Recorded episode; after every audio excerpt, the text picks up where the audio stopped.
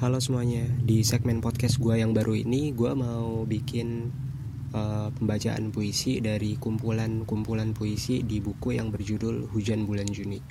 Nah di sini ada banyak banget puisi ya, tapi gue bakalan mau membacakan beberapa puisi aja yang gue bagi menjadi beberapa bagian. Mungkin akan berlanjut berlanjut berlanjut sampai sampai selesai.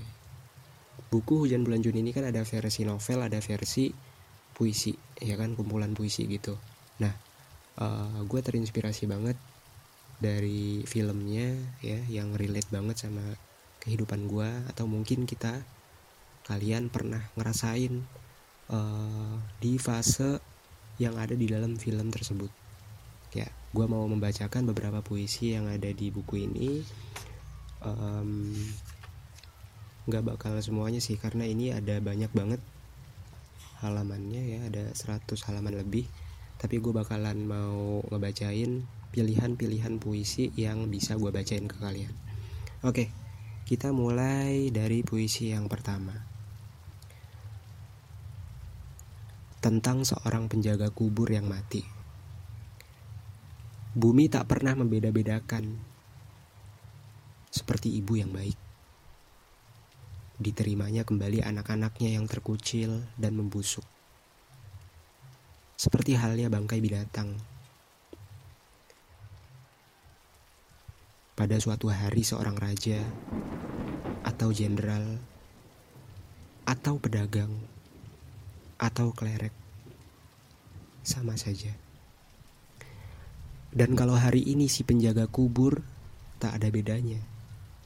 Ia seorang tua yang rajin membersihkan rumputan, menyapu nisan, mengumpulkan bangkai bunga dan daunan.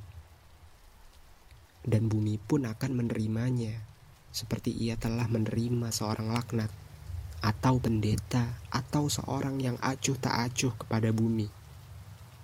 Dirinya. Toh akhirnya semua membusuk dan lenyap.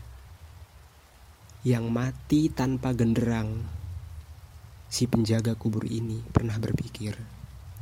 Apakah balasan bagi jasaku kepada bumi yang telah kupelihara dengan baik?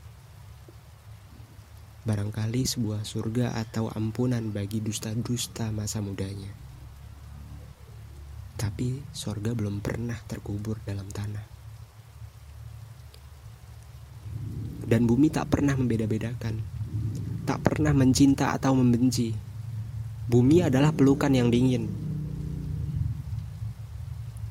tak pernah menolak atau menanti, tak akan pernah berbuat janji dengan langit. Lelaki tua yang rajin itu mati hari ini. Sayang bahwa ia tak bisa menjaga kuburnya sendiri. 1964